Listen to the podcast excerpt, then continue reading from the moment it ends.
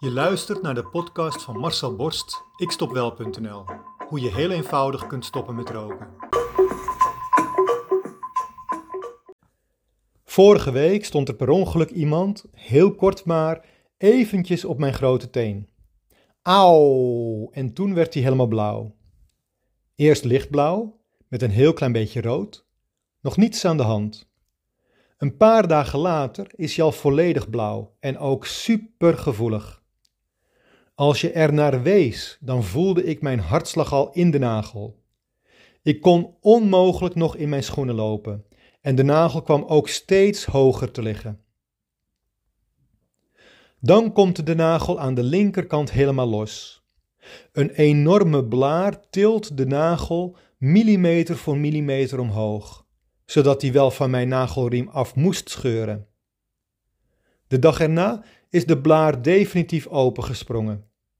Veel wondvocht, een hele vieze geur, maar gelukkig geen druk en hartslag meer in de teen.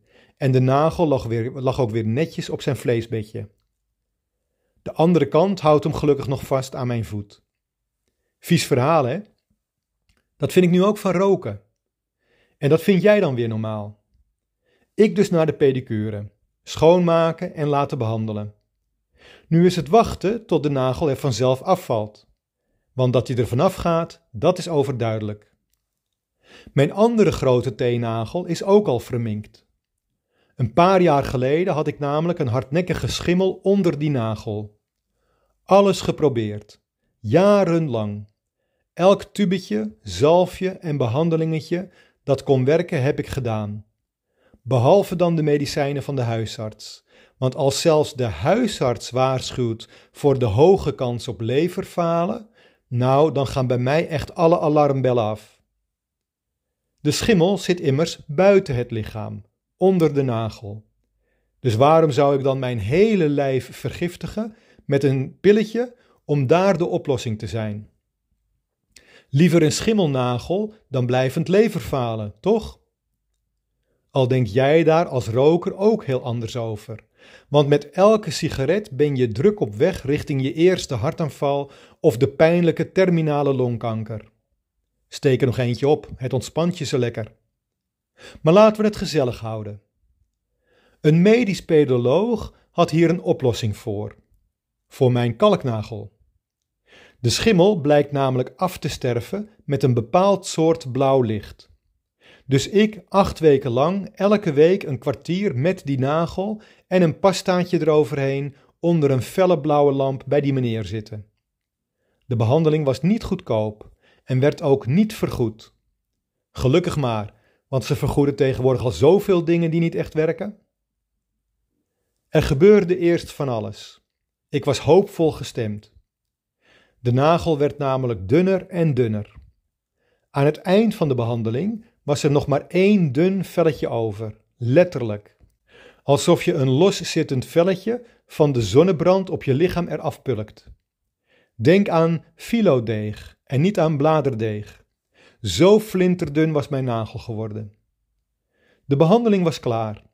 De nagel zou vanzelf weer gaan aangroeien en met ongeveer een jaar zou er een hele nieuwe schone nagel zonder schimmel zitten. Ik dus blij naar huis. Maar met de dag werd deze nagel lelijker.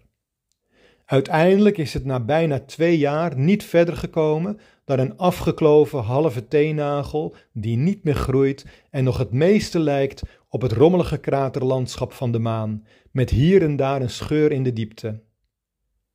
De rest van de nagel ziet er ook al niet zo goed uit.